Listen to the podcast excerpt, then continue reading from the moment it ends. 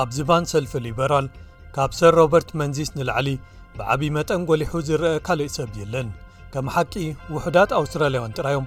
ከም ናቱ ህቡብነት ዘጥረዩ ወይ ኣብ ልዕሊ እዚ ሃገር ከም ናይዚ ሊበራል ቀዳማይ ሚኒስተር ነበር ዓይነት ጽልዋ ዘሕደሩ ወይ ዝነበሮም ንሱ ነዚ ፖለቲካዊ ሰልፊ መስሪትዎ ዝነውሐ እዋን ዘገልገለ ቀዳማይ ሚኒስተር ኣውስትራልያ ነይሩን ኣብ ግዜ ጎስጓስ ንፈደራላዊ ምርጫ በቶም ካብ ሰልፊ ሊበራል ዝኾኑ ዕፅያት ዘረባታቱ ከም ጠቕሲ ክቐርቡ ወይ ነሱ ንባዕሉን ስራሓቱን መወከሲ ክኾኑ ግድን እዩ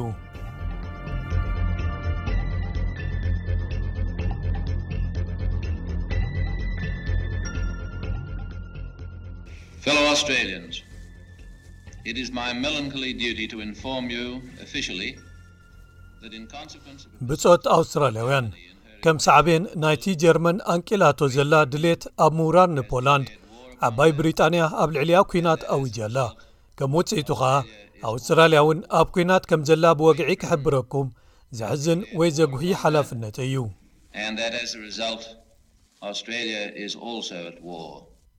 እዚ ሰር ሮበርት መንዚስ ኮይኑ ኣብ ጀፓሪት ግዝኣት ቪክቶርያ ተሓሳስ 20894 ዝተወልደ እዩ ንሱ ዝነውሐ ዘገልገለ ቀዳማይ ሚኒስተር ናይ ኣውስትራልያ ኰይኑ ነቲ መዝነት ከኣ ክልተ ግዜ ተሰኪምዎ ካብ 1939 ክሳብ 1941 ከምኡውን ካብ 1949 ክሳብ 1966 ብድምር 18 ዓመታትን ሓሙሽተ ኣዋርሕን ቀዳማይ መንፈቕ ግዜኡ ከም ቀዳማይ ሚኒስተር ኣብ 1939 ዝጀመረሉ ኣብ ትሕቲ እቲ ኣብዚ እዋን ዘየለ ሰልፊ፣ ሰልፊ ዝሓበረት ኣውስትራልያ ወይ ከኣ ዩናይትድ ኣውስትራልያ ፓርቲ፣ ስግኣት ኲናት ኣብ ኤውሮጳ እናዓበየ እንከሎ እዩ። ሓደ ካብ መስረትቲ ሰልፊ ሊበራል ኣብ 1944 ኰይኑ ኸኣ ንሱ ሓያል ተጣባቓይ ናይቲ ቀይድታት ኢሚግሬሽን ክግበር ዝሕግግ 1901 Immigration Restriction Act እዩ። እዚ ብልምዲ ፖሊሲ ጻዕዳ ኣውስትራልያ ወይ ዋይት ኣውስትራልያ ፖሊሲ ተባሂሉ ይጽዋዕ።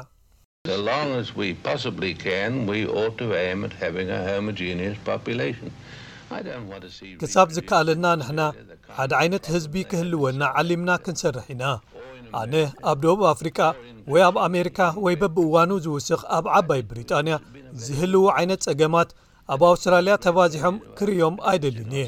ኣነ እዚ ኣዝዩ ጽቡቕ ፖሊሲ ኮይኑ ጸኒሑ ኢለ ይሓስብ ንዓና ዓብይ ረብሓ ዝህብ ኮይኑ ጸኒሑ እዩ።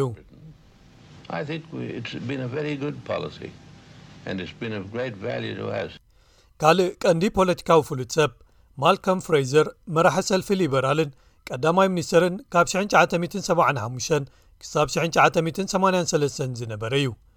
ንሱ ካብቶም ናይዚ ሃገር ሓደ ካብቶም ኣዝዮም ዝኸፍኡ ፖለቲካዊ ክሰታት ብቐጥታ ረቢሑ ከም መራሒ ተቃዋሚ ሰልፊ ንሱ እማመታት በጀት ካብ ሰልፊ ለይበር ዝኾነ ቀዳማይ ሚኒስተር ጎፍ ዊትለም ብመንገዲ ላዕለዋይ ባይቶ ወይ ሰነት ኣብ ጥቅምትን ሕዳርን 975 ከይሓልፉ ኸልኪሉ እዚ ኸኣ ሽሞኛ ንግስቲ ጋቨርነር ጀነራል ሰር ጆንከር ኮሚሽን ወይ መዝነት ቀዳማይ ሚኒስተርነት ሚስተር ዊትለም ዓሰርተ ሓደ ሕዳር ናብ ዝሰሓበሉን ንሚስተር ፍረይዘር ከኣ ግዝያዊ ቀዳማይ ሚኒስተር ገይሩ ናብ ዘደይበሉን ኣምሪሑ። ሕጂ ከምቲ ቅዋም ዝጠልቦ ምርጫ ክህሉ እዩ። እቲ ዓቢ ሓለዋ ዲሞክራሲና እቲ ቕዋም ክኽበር ኣለዎ ዝብል እዩ። ህዝቢ ኣውስትራልያ ዝብልዎ ክህሉ ወይ ድምጾም ከስምዑ እዮም። እቲ ምርጫ ኣብ መድመጺ ሳጹናት ናቶም እዩ። The choice is theirs at the ballot box. ሚስተር ፍሬዘር ብዓብዪ ብዝሒ ወይ ከኣ ብኣብዝሓ ተዓዊቱ ንሱ ብዓይኒ ቁጠባ ዓቃባዊ እኳ እንተኾነ ኣብ ማሕበራዊ ጉዳያት ግን ገስጋስ እዩ ዝሕሰብ ነይሩ ንሱ ዝመርሖ መንግስቲ ከም በዓል ቤት ፍርዲ ቤተሰብ ወይ ከኣ the family court ዝኣመሰሉ ሰልፊ ለይበር ዘበገሶም ተሃድሶታት ቀጺልዎምን ኣናዊሕዎምን ንፍሉይ ኣገልግሎታት ፈነወ ዝህብ ስፔሻል ብሮድካስቲን ሰርቪስ ወይ ከኣ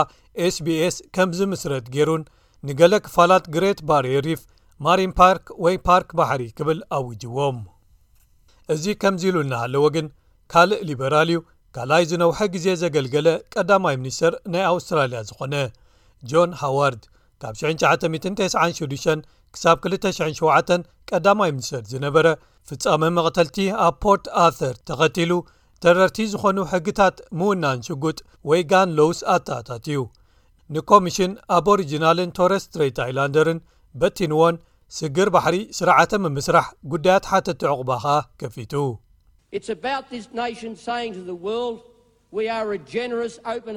እዚ ብዛዕባ እዚ ሃገር ንዓለም ንሕና ለጋሳትን ክፉታት ዝልቦም ሰባትን ብመንፅር ካፒታ ብዘይካ ካናዳ ካብ ዝኾነ ካልእ ሃገር ዝያዳ ቝፅሪ ዘለዎም ስደተኛታት ንቕበል ኢና ኢና ንብል ዘለና ንሕና ካብ 4ን ዝተፈላለየ ሃገራት ዝኾኑ ሰባት ናይ ምቕባል ዘዂርዕ መዝገብ ኣለና ግን ንሕና መን ናብዚ ሃገር ይመጽእን ኩነታት ኣማጻጽኦምን ባዕልና ኢና ንውስን።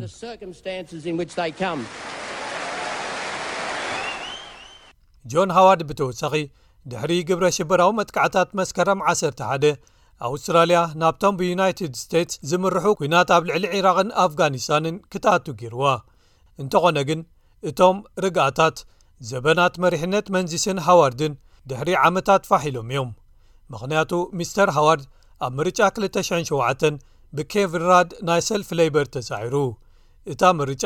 ኣብ ፖለቲካዊ ታሪክ ኣውስትራልያ ዘይተረጋግኡ መሪሕነታት ክልቲኦም ዓበይቲ ሰልፍታት ዝተበገሱላ ኮይና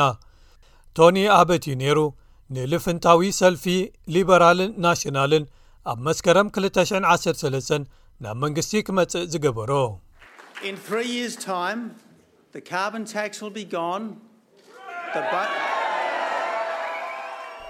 ኣብ ውሽጢ ናይ ሰለስተ ዓመት ግዜ ቀረጽ ካርቦን ዝበሃል የለን እተን ጀላቡኻ ደው ክብላየን እቲ በጀት ክእመን ዘይክእል መኽሰብ ወይ ትርፊ ክህልዎ ኣብ መስመር ክህሉ እዩ እቶም ናይ መበል 21 ክፍለ ዘመን መንገድታት ከኣ ኣብ መወዳእቱ ክትግበሩ እዮም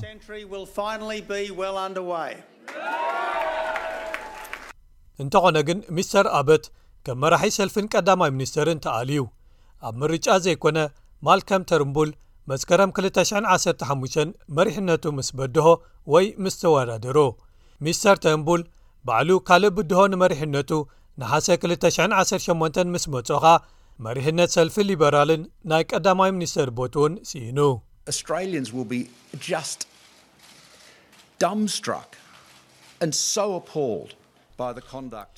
ኣውስትራልያውያን በቲ ናይ ዝሓለፈ ሰሙን ተግባራትን ባህርያትን ክድንጽዎምን ክስምብዱን እዮም ሓደ መንግስቲ ብኸምዚ ዓይነት ዘይተኣማንነትን ኮነኢልካ ዝግበር ምህጃም ወይ ከኣ ምትእትታውን ክሕመስ ኢልካ ምሕሳብ እዚ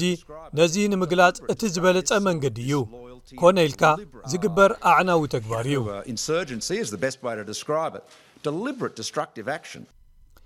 ብሚኒስተር ውሽጣዊ ጉዳያት ፒተር ዳተን ዝመጹ ብድሆታት ንመሪሕነት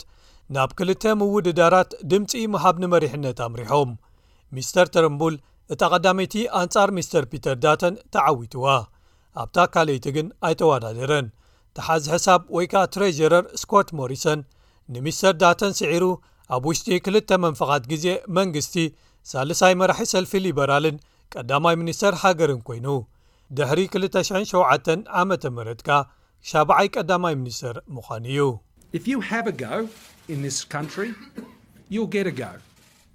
ኣብዛ ሃገር ተበግሶ እንተወሲድካ መንገዲ ክትረክብ ትኽእል ኢኻ። ነቶም ክፍትኑ ዝደልዩ ርትዓዊ ዕድል ኣሎ። እዚ'ዩ ኣብ ኣውስትራልያ ርትዓውነት ማለት። That's what fairness in Australia means. ሚስተር ሞሪሰን እዩ እምበኣር ንሰልፊ ጥምረት ኣብ ጎስጓስ ምርጫ 219 ኣንጻር ብቢል ሾርተን ዝምራሕ ሰልፊ ለይበር ናብ ዓወት ዝመርሖ መለክዒታት ርእቶ ህዝብን ተንተንትን ኵሎም ዓወት ሰልፊ ለይበር ተተንብዮም ቀዳማይ ሚኒስተር ስኮት ሞሪሰን ነቲ ብዕግርግራት መሪሕነት ዝወረደ ማህሰይቲ ኣብ ክብርን ስምን ሰልፊ ሊበራል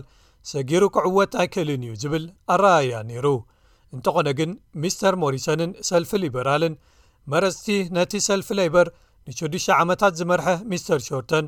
ክለምድዎ ብዘይምኻሎም ኣብ ውጽኢት እቲ ምርጫ ኩሉ ሰብ ጌጋ ከም ዝህሉ ወይ ከም ዝኸውን ገይሮሞ ንሚስተር ሞሪሰን ከኣ እዚ ምቁር ዓወት ነይሩ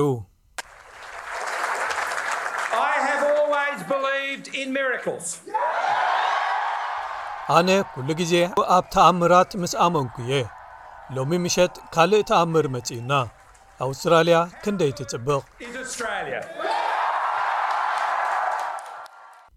ሚስተር ሞሪሰን ካብ ዝምረጽ ንድሓር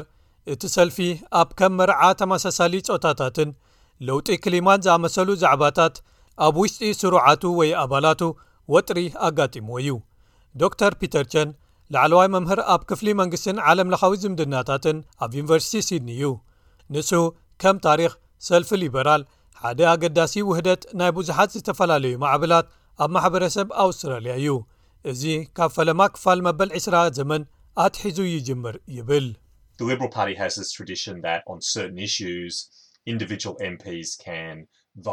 ሰልፊ ሊበራል ከም ልምዲ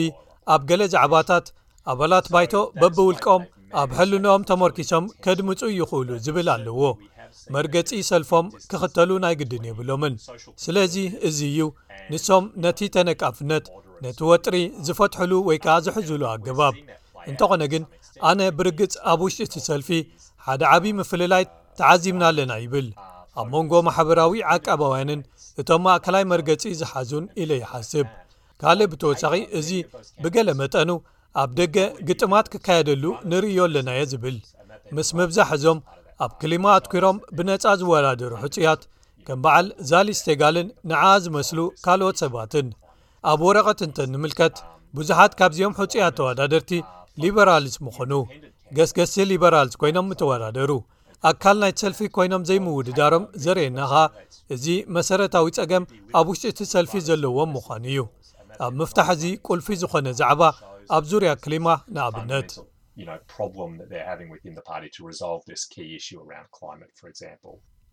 ዶክተር ቸን እቲ ሰልፊ ካብ ዝምስረት ኣትሒዙ ኩሉ ግዜ ዓበይቲ ምክፍፋላት ኣብ ውሽጢ ኣባላቱ ወይ ስሩዓቱ ምስ ኣመሓደረ እዩ ንሱ ዋላ እኳ ነዚ ከም ሓደ ቀታሊ ወይ ከዓ ክቐትሎ ዝኽእል ፀገም እንተዘይረኣዮ ናብ ምርጫን ኪንዩን ኣብ ነምርሓሉ ዘለና እዋን እቲ ሰልፊ ምስ ሕቶታት ብዛዕባ መሪሕነትን ሓድነት ሰልፍን ኣጣሚሩ ከመሓድሮ ወይ ክኣልዮ ዘለዎ ይብል